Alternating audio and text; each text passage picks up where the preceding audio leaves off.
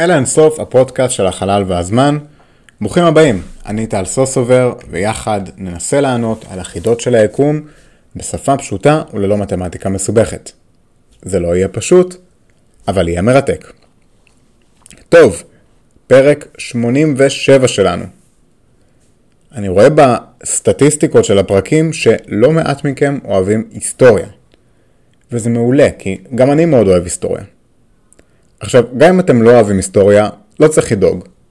הפרק הזה הוא לא על היסטוריה. הפרק הזה הוא כן על ימי הביניים. והיום אנחנו הולכים לדבר על ימי הביניים של היקום. העידן האפל. The Dark Ages.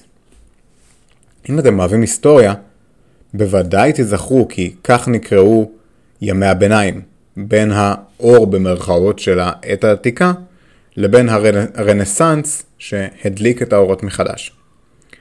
אם אתם אוהבים היסטוריה, אתם יודעים שזו שטות.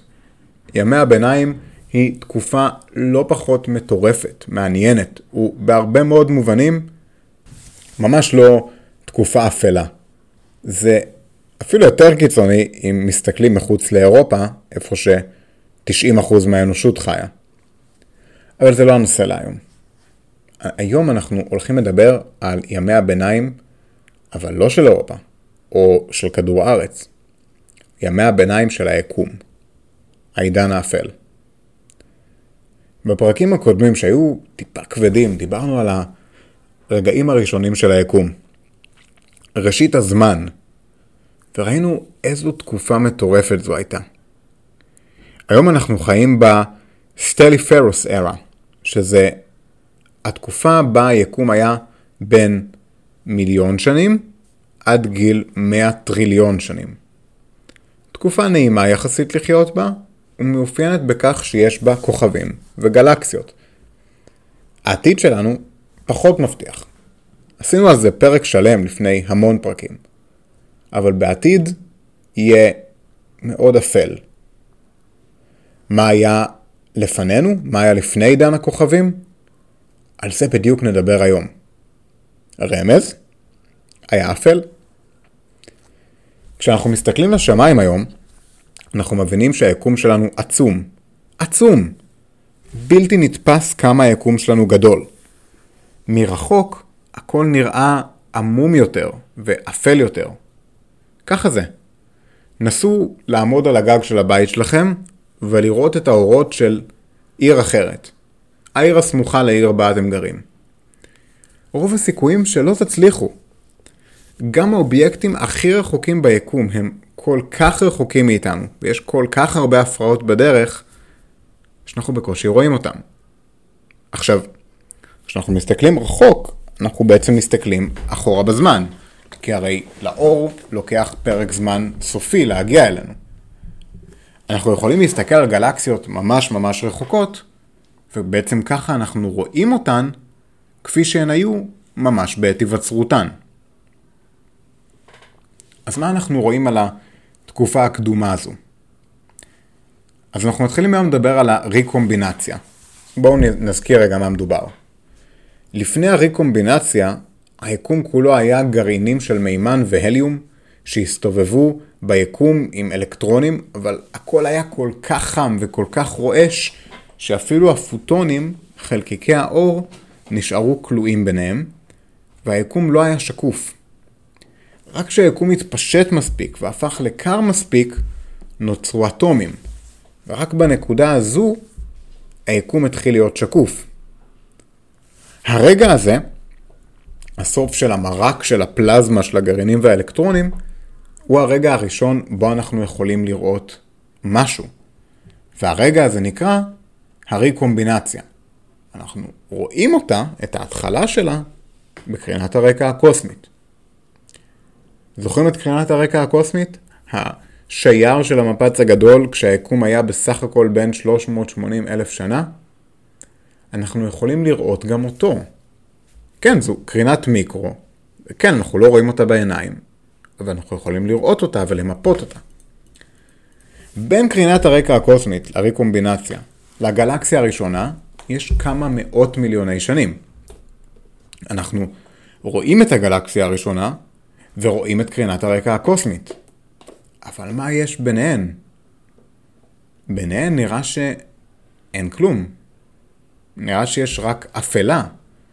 אין שם קרינה, אין שם שום דבר. התקופה הזו היא ימי הביניים, או העידן האפל של היקום.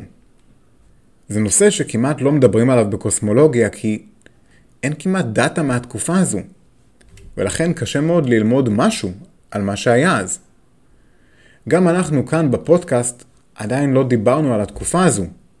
הרי המפץ הגדול היה גדול. קרינת הרקע הקוסמית, טוב, נתנו שלושה פרקים, הקדשנו לה שלושה פרקים רק כדי לתאר כמה היא מדהימה. הגלקסיות והכוכבים, אנחנו מכירים ואוהבים אותם. השאלה היא מה היה ביניהם, בין קרינת הרקע הקוסמית לגלקסיות. אז בואו נראה מה היה שם. קודם כל, לא היה אור, כן? כי אנחנו לא רואים אותו. דבר שני, היה שם גז. לפני הריקומבינציה ביקום הייתה פלזמה. פלזמה התקררה. המצב צבירה הקר יותר מתחת לפלזמה הוא גז. על כן, היקום כולו בשלב הזה היה גז של יסודות, בעיקר מימן ואליום. מקור האור הבא ביקום הוא הכוכבים שייווצרו מהגז הזה. כנראה שהכוכבים הראשונים נוצרו בערך בשנת 150 מיליון, או 100 מיליון, משהו כזה.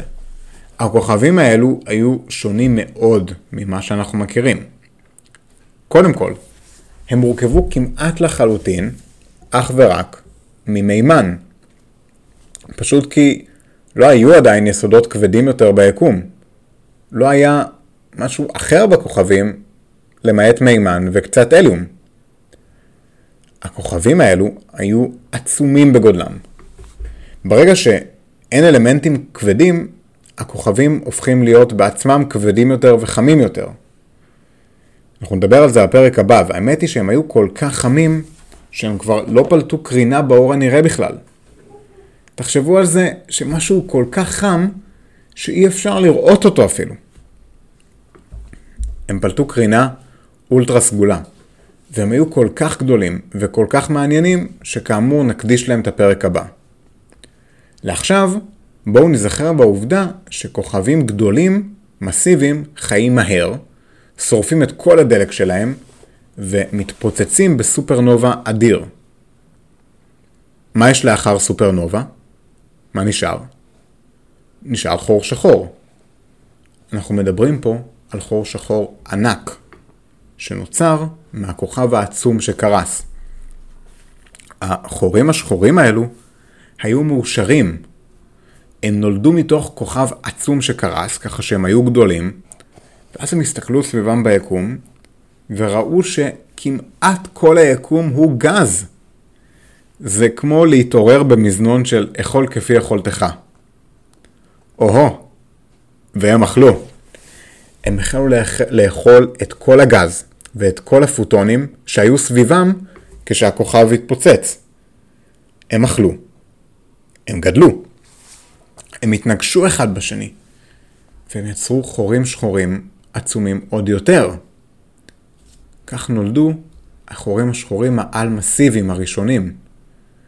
מדובר על חורים שחורים במסה של כמה מיליוני או אפילו מיליארדי פעם מסת השמש. החורים השחורים האלו שלטו בסביבה שלהם ביקום, והם יצרו את הבסיס לגלקסיות הראשונות, וכן גם את הקווזרים הראשונים. קווזרים הם פליטות אדירות של אור.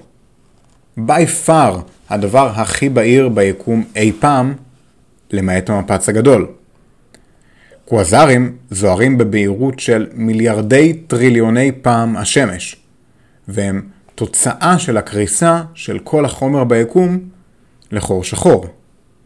החומר מאיץ מהכבידה, מתחמם ופולט אור. אור עצום.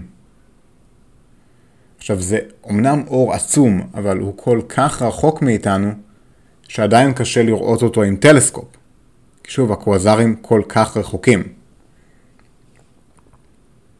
מה עוד קרה עם הסופרנובות האלה? חוץ מליצור קווזרים, הסופרנובות האלו שפכו את החלקים הפנימיים של הכוכבים לאזורים שלמים, שלאחר מכן קרסו גם כן לכוכבים. אלו הכוכבים מהדור השני. התהליך הזה הוא הבסיס להיווצרות הגלקסיות. הכוכבים מהדור השני היו סביב החור השחור העל מסיבי, שהוא השריד של הכוכבים מהדור הראשון. זה הסוף של ימי הביניים, הסוף של העידן האפל. מכאן אנחנו נכנסים לתקופה של מיליארד שנים בערך, בו יש תהליך עינון. החומר הופך להיות מיונן. אבל אני רגע רוצה לחזור לעידן האפל. יש לנו את הריקומבינציה, אז הופיע האטום הראשון, ויש לנו את הרי-איוניזציה, בה היקום הפך להיות דומה למה שאנחנו רואים היום. כלומר, יקום שכבר לא נשלט על ידי גז ניטרלי. בתקופה הזו, בין הריקומבינציה והרי-איוניזציה, בימי הביניים, היקום מתרחב. היקום מתרחב כל הזמן, הוא מתרחב ברקע של כל מה שתיארנו. היקום בהתחלה היה בערך בגודל של 1 חלקי אלף, והוא התרחב בערך פי 100 בעידן האפל. שימו לב למשהו מעניין. היקום, אחרי הרי-איוניזציה, היה דומה ליקום שלפני הריקומבינציה. עכשיו אני יודע שאני אומר רי כל הזמן, וזה סתם שם שנתקע. הריקומבינציה לא רומזת שפעם הייתה קומבינציה. לפני הריקומבינציה לא היה אטומים. החומר שלפני הריקומבינציה היה מיונן, הוא היה פלזמה. הרי-איוניזציה הפכה את היקום שוב להיות לא שקוף. בעצם אחרי העידן האפל היקום שוב לא שקוף. אבל הוא לא שקוף באזורים מסוימים. הוא לא שקוף בכוכבים. הכוכבים נראים, נראים בדיוק כמו שהיקום נראה לפני הריקומבינציה, לפני קרינת הרקע הקוסמית. אתם רוצים לדעת איך נראה היקום לפני קרינת הרקע הקוסמית? תסתכלו על השמש.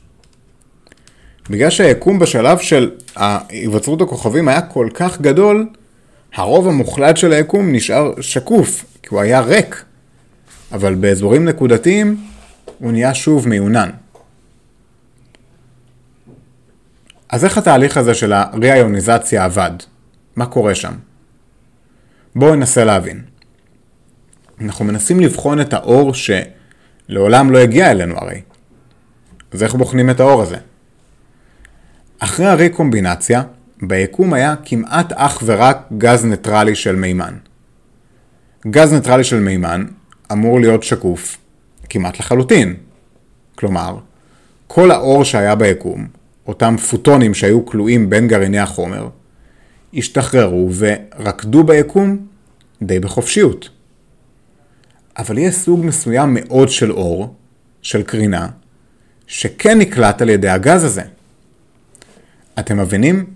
אם הפוטונים האלו, חלקיקי האור האלו, פגעו באנרגיה המתאימה באלקטרון שבמימן, הם יכלו להיקלט על ידי המימן ולהעלות את האלקטרון לרמת אנרגיה גבוהה יותר. התהליך הזה מלווה בפליטה של פוטון בתדר רדיו. התהליך הזה אמור ליצור תדר מסוים שאנחנו נהיה מסוגלים לקלוט ולמפות סטטיסטית את השמיים ולהבין מתי היקום הפסיק להיות גזי. וכך נוכל להבין מתי ואיפה נוצר הכוכב הראשון. אז מה עוד אנחנו יכולים לדעת על העידן האפל? שימו לב, כמו שימי הביניים בהיסטוריה לא הסתיימו ביום אחד, גם העידן האפל לא הסתיים ביום אחד. נוצרו הקווזרים, אבל כל מה שהיה מעבר לכוח המשיכה שלהם, המשיך להיות גז ניטרלי ואפל. האור של הקווזרים, האור שנפלט מהם וטס אלינו, עבר דרך הגז הניטרלי הזה. הגז הזה השאיר לנו סימנים, ואנחנו יכולים לצפות, לסוג, לצפות בסוג מסוים מאוד של פוטון, באורך של 121.57, שהוא פוטון שמאוד קל לו להיקלט אצל מימן ניטרלי. זה כל כך קל שהוא פשוט נקלט. עכשיו, הקוואזר האיר בעוצמה אדירה. הפוטונים ממנו יצאו בכל התדרים, אבל הפוטונים בתדר המסוים הזה נקלטו בגז שהיה סביבו. הפוטונים באורך גל 121.57 נפלטו גם כן, אבל קרה עוד משהו. היקום מתרחב תוך כדי. זה מה שהיקום עושה, נכון? הוא מתרחב. הפוטונים כבר לא היו באורך גל של 121.57 כשהם הגיעו לגז המימן, כי הם התארכו. פוטונים בעלי אורך גל קצר יותר, נגיד 120.57, התארכו והגיעו ל-121.57. על כן הם נבלעו. התוצאה היא שאנחנו רואים את האור של היקום שמגיע אלינו, בינתיים נע ביקום שהלך והתרחב, גם אורכי הגל הקצרים ביותר התרחבו מספיק כדי להגיע ל-121.57. כל מי שמגיע ל-121.57 לא יכול להתקדם. הוא נבלע בגז המימן. אז מה אנחנו רואים? עושים מיפוי של הקרינה שכן מגיעה אלינו מהקווזרים, וזה מדהים. אנחנו רואים כמעט אך ורק קרינה שמגיעה אלינו מאורכי גל מאוד מאוד נמוכים. כשמעבירים את הקו הזה, אנחנו רואים שכל אורך גל שיצא באורך של 121.57 ומטה מהקווזר, הלך ונמתח עם התפשטות היקום, עד שהוא הגיע ל-121.57, ואז איפשהו נקלט על ידי מימן ניטרלי. על כן, אנחנו רואים כמעט אך ורק אורכי גל ארוכים יותר, כאלה שנפלטו מעל 121.57, והם בעצם מעולם לא היו בסכנת בליעה. וחכו, זה אפילו טוב יותר. בגלל שהקווזר שאנחנו מסתכלים עליו נמצא רחוק, אנחנו רואים פחות קרינה מאורכי גל מקוריים קצרים מ-121.57 שמגיעים אלינו. ותראו איזה מדהים זה, הסיגנלים האלו מטורפים ומאוד מאוד מדויקים. אפשר ממש להסתכל על התדר של הקרינה שמגיעה מהקווזר, ובעזרתה לנבא איפה בדיוק הוא נמצא. המיפוי הזה מאפשר לנו להבין בדיוק מתי העידן האפל יסתיים בעבור כל מקום שנרצה ביקום. ככה אנחנו יכולים גם להבין מה בדיוק היה שם. זה פשוט מדהים כמה מדענים מסוגלים לפענח מתוך כל כך מעט דאטה. תחשבו על זה. ראו אור עמום ורחוק בשמיים. מתוך זה הצליחו להבין איך נראה ומתנהג היקום הקדום כולו. אם זה לא מדהים, אני לא יודע מה כן. וכן, זה מדהים שאפשר לעשות את זה. ורמת הדיוק שנדרשת כאן היא, נכון, מאוד מאוד מאוד גבוהה. זה מראה לנו עד כמה אנחנו חיים בתקופה מצוינת, בה יש לנו מדענים שצופים על השמיים, ויש לנו אור. אור שאנחנו יכולים לראות. אוקיי חברים, בואו נסכם את הפרק. אז היום דיברנו על ימי הביניים, העידן האפל הקוסמי. בעצם דיברנו על התקופה שבין קרינת הרקע הקוסמית, מתי שנוצרו האטומים הראשונים, להיווצרות הכוכבים הראשונים. בפרק הבא נדבר ספציפית על הכוכבים הראשונים. אבל אנחנו רואים שהעידן הזה היה מאופיין בתקופה שהיה בה המון גז ביקום בכל מקום, ולא היה בה אור. והסיבה שאנחנו יכולים למפות את התקופה הזאת בצורה כל כך מעניינת, היא ההתפשטות של היקום שהייתה מאז, שבעצם גרמה למתיחה של קרני האור שכן נוצרו באקווזרים, שזה ריכוזי האור העצומים ביותר ביקום. כשאנחנו ממפים את האור שכן מגיע אלינו, האור העמום והאפל שכן מגיע אלינו, אנחנו יכולים לראות את הדרך שהוא עשה ולהבין בדיוק אילו אורכי גל נבלעו. ולפי זה שאנחנו רואים אילו אורכי גל נבלעו, אנחנו יודעים לתאר את המבנה של היקום ואת ההרכב שלו בתקופה האפלה ביותר. והתשובה היא שבתקופה האפלה ביותר היקום פשוט היה כולו גז מימן. אל תדמיינו יקום שהוא ואקום, תדמיינו יקום קטן יותר, חם יותר, אבל לא חם ברמה הכל בצבע של השמש, כמו שהיה לפני קרינת הרקע הקוסמית, אלא חם יותר, אפל, מלא מלא בגז, שמדי פעם מצית את האפלה של הגז, כוכב עצום שנוצר, רק כדי לקרוס לחור שחור אימתני, שהוא הבסיס לחורים השחורים העל-מסיביים שנמצאים בלב של כל אחת מהגלקסיות שלנו עד עצם היום הזה. תודה רבה רבה לכם על ההקשבה. הפודקאסט של אלה אינסוף הוא יוזמה שלי להנגשה של חקר החלל, הגלקסיות הראשוניות, ימי הביניים, האור והגזים לכל אה, אחד ואחת ללא הבדל גיל, ידע מתמטי או כל הבדל אחר.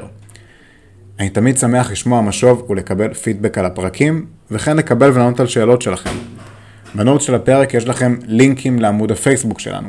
אתם יכולים לשמוע אותנו בכל אתרי הפודקאסטים, ואני ממש ממש מבקש לתת לנו דירוג גבוה באפל פודקאסט, בספוטיפיי ובפייסבוק, זה עוזר לנו להגיע לקהלים חדשים. פרק כמו זה לוקח לי כמה עשרות שעות של עבודת מחקר, הכנה, הקלטה ועריכה, והאמת שהפרק הזה ספציפית גם לנושא שמעולם לא התעסקתי בו. אז זה היה סופר מעניין. הפודקאסטים האלו זמינים עבורכם חינם ומתוך מטרה אישית שלי להביא את חקר היקום לכולנו.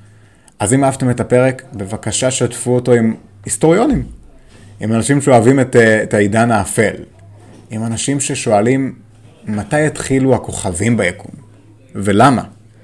שתפו אותו עם חברים, משפחה, כלבים וחתולים, ועד הפעם הבאה, ושוב, תודה רבה לכם על ההקשבה. שלכם, טל.